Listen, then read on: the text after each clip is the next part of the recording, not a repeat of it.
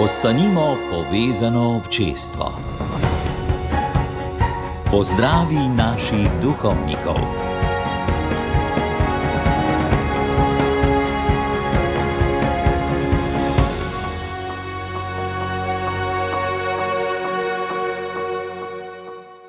Prav lepo pozdravljeni. Če smo danes prisluhnili berilu in evangeliju, morda pa bomo to še storili in prebrali, meni pa prihaja misel. Kot je poprej pisalo o Štefanu, sedaj piše o diakonu Filipu, da ni samo oskrboval mize, za kar je bil prvotno izbran. Gospodov angel, potem se imenuje Gospodov duh, ga je najprej vodil v Samarijo, da je že na jugu deželo sedaj. Tot vodi gospodov duh še nekoga, dvorjana etiopske kraljice. Sploh so znaki delovanja gospodovega duha v prvi crkvi povsod vidni. Eden od znakov tega delovanja je tudi veselje. Ki je bil dvorjan krščen, Filipa ni več videl, a je šel vesel svojo pot. V Samariji se prav tako ob Filipovem oznanjevanju veselijo vsi. Dvorjan razmišlja, kako bi mogel razumeti, če mi nihče ne pouči. Božja knjiga je svojo notranjo močjo dvorjana pritegnila. Bil je izobražen in pošten, ter je čutil, da Izaija ne more pisati v prazno. Na koga pa je mislil, ko je pisal to? To ni mogel vedeti. Iskrena njegova želja je nagnila Boga, da mu je poslal razlagalca. Bog vedno najde način, kako se razodene tistemu, ki si njegovega razodetja iskreno želi in ga je pripravljen s preprostim srcem sprijeti. Filip je moral biti odličen katehet, dvorjan pa odličen učenec. V kratkem času se pa uspela do vrhunca vere, do priznanja, da je Jezus Božji sin, krst je le potrditev. V Evangeliju pa odkrivamo Jezusovo jasno trditev, da nihče ne more priti k njemu, če ga oče ne pritegne. Vera je očetov dar. Nekje drugje pa beremo, da oče hoče, da bi se vsi ljudje zveličali. In se sprašujem, zakaj pa potem vseh ne pritegne?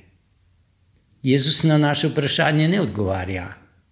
Ostane skrivnost vere. Morda pa nam hoče reči, si mislim, ti, ki se čutiš nagovorjenega, pridi, za druge bova oče in jaz poskrbela. Mana, ki so jo jedli očeti v puščavi, opravila svoje delo. Nahranila je umrljiva telesa.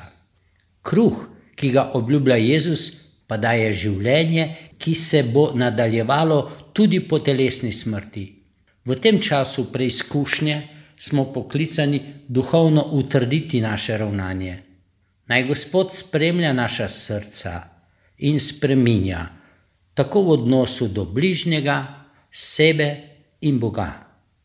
Danes, ko je zadnji dan meseca, se mi, Selezijanci, spominjamo svetega Janeza Boska, ker pa je to predvečer meseca maja, ki je Marin mesec, je dobro, da stopimo v Domboskovo šolo in odkrijemo, kako naj častimo Marijo pomočnico in kaj je potrebno storiti, če hočemo doseči kakšno posebno milost.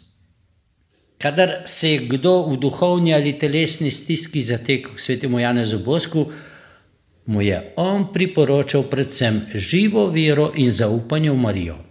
Ko ga je kdo prosil za blagoslov Marije pomočnice, je imel vedno navado, da je prej vzbudil v njem popolno zaupanje v moč in dobrotljivost Marije. Med drugim je takole govoril: Imate zaupanje v Marijo? Zaupate v Marijo pomočnico? Toda, ali imaš res zaupanje v Marijo? Zaupaj in potem pusti naj Marija dela. Bodite prepričani, da vam bo Marija izprosila milosti.